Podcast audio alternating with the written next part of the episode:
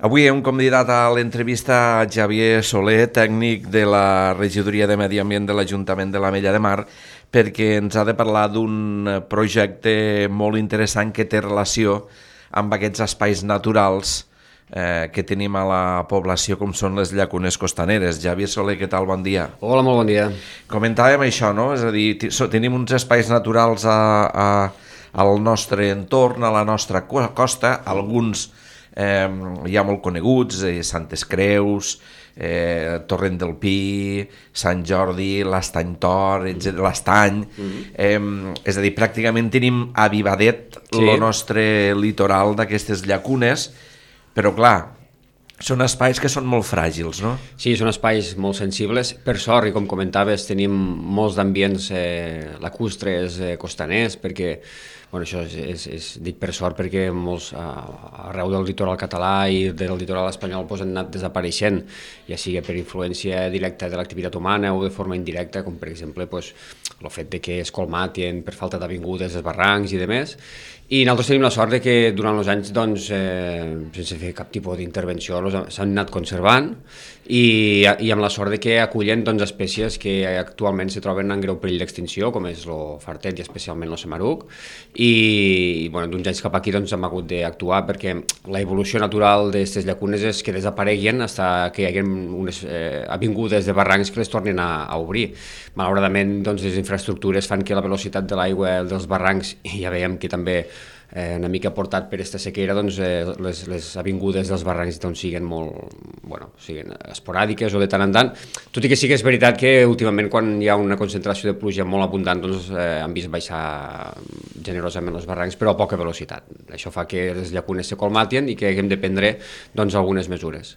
I quines són? Doncs eh, la restauració d'estos hàbitats. Ja fa uns quants anys vam recuperar la llacuna de l'Estany Tor, eh, vam recuperar també la llacuna de l'Estany, que amb el temps també va desaparèixer, i, i una vegada ja estabilitzat eh, el sistema, doncs eh, hem pogut veure que, que bueno, s'han pogut fer introduccions de samarucs, hem vist que l'ecosistema evoluciona favorablement, però, com comentava, són ecosistemes molt sensibles i que, bueno, de forma directa o indirecta, doncs, eh, reben, ja sigui de manera natural, com per exemple un temporal de llevant, que este seria el cas que ens portaria a actuar amb aquestes llacunes, eh, bueno, doncs se colmaten, desapareixen, hi ha variacions en la seva capacitat de, de, com a cubeta d'aigua i això pues, eh, comporta que hem de fer actuacions com la que plantegem ara.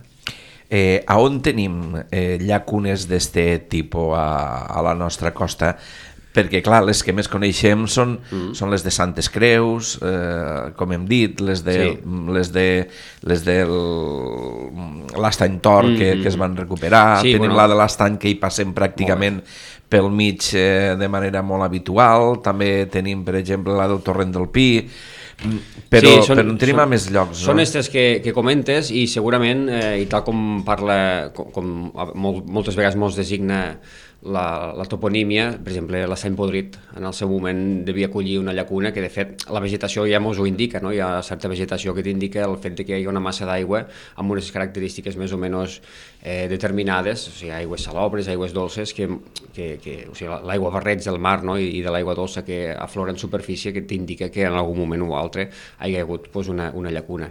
Eh, per exemple, la platja del Rivellet, a la part de detrás, just eh, Marina Sant Jordi, quan, quan cru, cruces el pont de fusta, baix també hi ha vegetació pròpia d'un ambient humit, amb molta presència d'aigua. Això també ens fa pensar que en algun moment o altre pues, hi havia també alguna cubeta que acollia pues, això, un ecosistema lacustre litoral pues, bueno, bastant significatiu. Eh, Sant Jordi, que me l'havíem Sant Jordi, deixat. naturalment, tots la coneixem, la llacuna de Sant Jordi, eh, Torrent del Pi, Santes Creus, Estany Tor, les que ja has nombrat, i, i ara, en breu, tenim en ment, bueno, a través també de les entitats que tenim acords de custòdia, doncs, a banda de la restauració de les que ja tenim, que s'han vist afectades pel temporal Glòria, que portar, va portar molt de sediment dins de les llacunes, i això va reduir la seva capacitat d'acollir doncs, eh, fauna i, i reduir el que és la capacitat de la cubeta, Eh, tenim un projecte damunt de la taula a l'espera que també ens donin les autoritzacions per part del Departament de Medi Ambient, Agència Catalana de l'Aigua, totes les entitats que hi ha al territori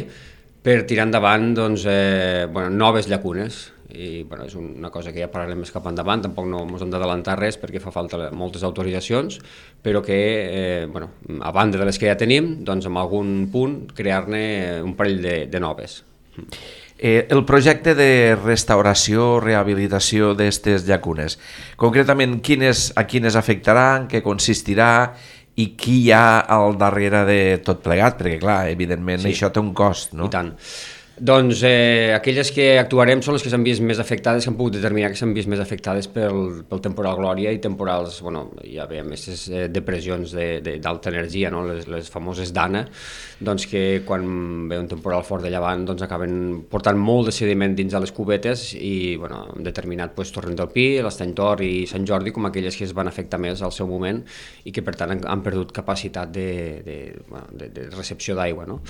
I bueno, s'han fet estudis previs en quant a com seria l'actuació, eh, bueno, tot això s'ha de justificar davant del Departament de Medi Ambient, davant de costes, que al final són els organismes que eh, gestionen, bueno, o tenen competències dins del nostre territori, i una vegada doncs, ja tinguéssim els permisos que ja ens van arribar l'altre dia, doncs poder començar ja a plantejar l'actuació. O sigui, ja tenim tots els projectes redactats i, i, i tot en marxa, i el que comentàvem sobre qui tira endavant l'acció, doncs, eh, conjuntament agafats de la mà amb l'entitat Paisatges Vius, que és una entitat que tenim un acord de custòdia pel que fa a les llacunes, i després eh, el finançament ve a través de la Fundació Andrena, que és una fundació que es dedica doncs, això, a la restauració d'hàbitats, conservació de la natura i que naturalment agraïm moltíssim que, que es presti i que a, a finançar aquestes actuacions que la veritat Eh, com a municipi són molt importants, però ja a nivell global estem parlant de la conservació d'una espècie que no es troba a cap lloc més del món i que naturalment doncs, sent un endemisme de la península ibèrica i,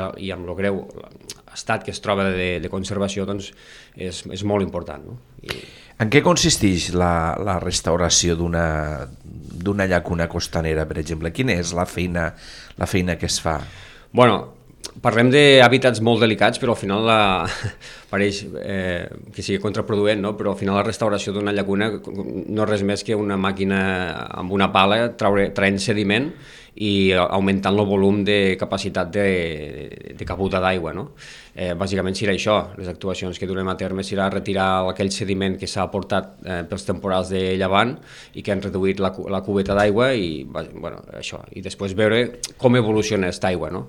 Sí que és veritat que ara mateix fer amb certa delicadesa perquè mm, lo que és lo, lo, una vegada s'han aportat aquests sediments dins queda capturada matèria orgànica i la, i la matèria orgànica en descomposició, en falta, en falta d'oxigen, doncs provoca certa acidesa al medi, se generen, eh, per exemple, àcid sulfídric i així, cal veure una vegada se moguen aquests sediments eh, quina qualitat de l'aigua estem tenint, vull dir, s'ha de fer amb certa delicadesa, però sí que és veritat que al final és una màquina traient, traient sediments.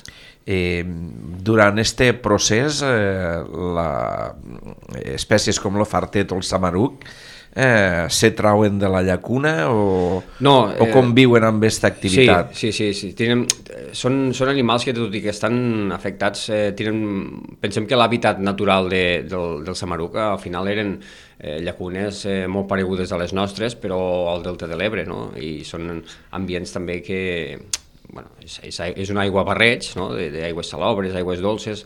Mm, el samaruc, a diferència del fartet, suporta molt menys el que és la salinitat, per tant és un necessita un ambient molt més d'aigua dolça, però sí que és veritat que estan molt avesats als canvis. No? Les llacunes tant sigui litorals com sigui d'un un delta, doncs eh, són bastant canviants i dinàmiques, per tant s'adapten molt bé. No, no, no es trau població del que és. Així com amb alguna actuació que van fer a Santes Creus per tal d'erradicar una espècie invasora com va ser la gambús i es va traure la major part de població de Samaruc, que es va poder, doncs en cas d'una restauració no, ells mateixos ja s'arraconaran allí on té més oxigen, on té les condicions per ells siguin més favorables i, bueno, Eh, en principi s'ha de fer ara ja el més immediat possible perquè en breu ja entrarem dins de l'època de reproducció que llavors sí que necessiten doncs, certa estabilitat al medi. Per tant, és a dir, això vol dir que es farà ja? Sí, la idea és, ja hem tingut els permisos, des de les entitats que hem nombrat ja s'han ficat en contacte amb empreses que puguen dur a terme l'extracció d'estos sediments i, i tirar endavant abans de, de, de l'abril, si pot ser.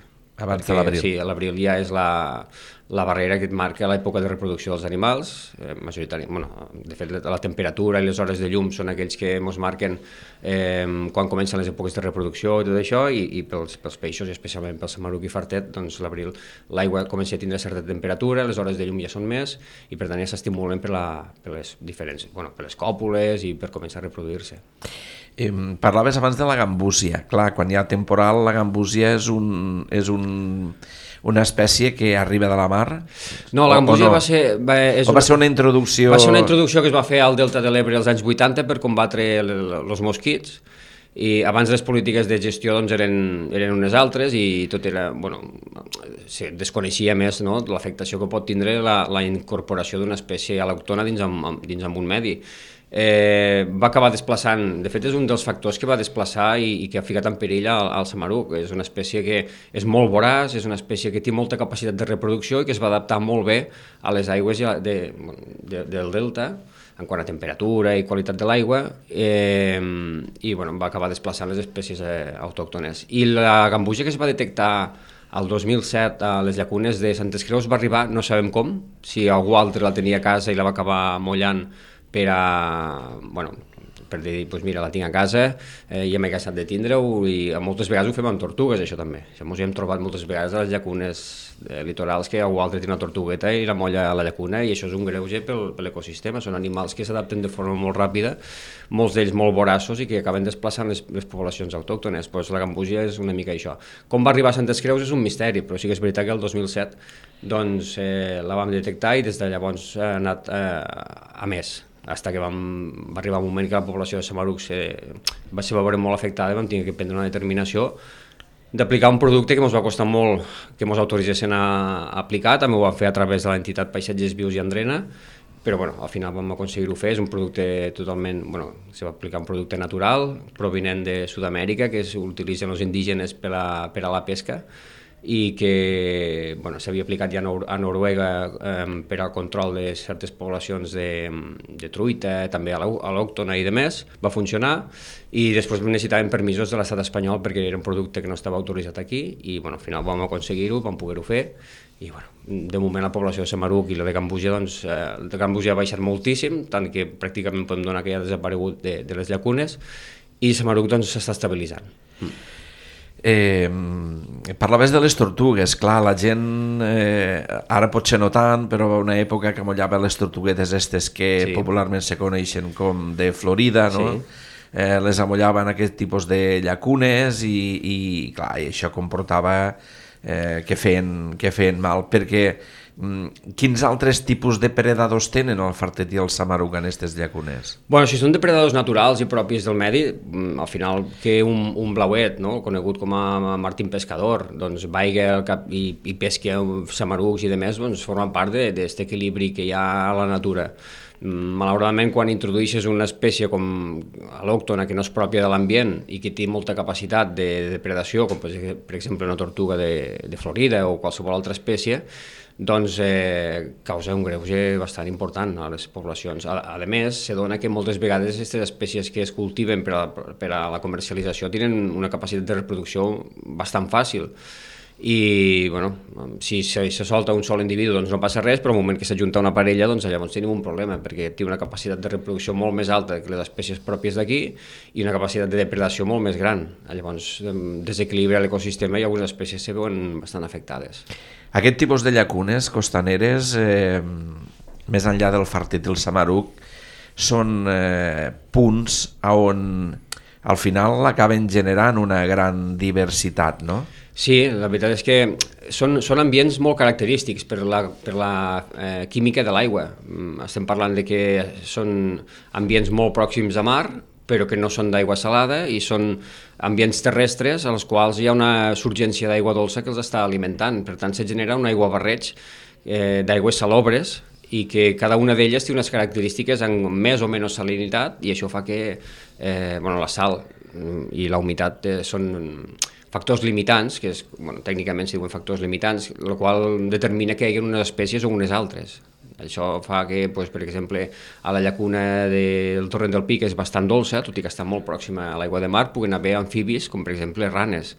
Eh, cubetes de, amb més salinitat, doncs eh, les ranes no n'hi no ha, amfibis per exemple no en trobaríem, Sant Jordi és difícil perquè és una cubeta bastant salada eh, veure amfibis. Bueno, cada una d'elles té unes característiques pròpies en quant a vegetació, en quant a espècies eh, de fauna que hi podem trobar i això fa que siguin ambients molt característics i pràcticament únics.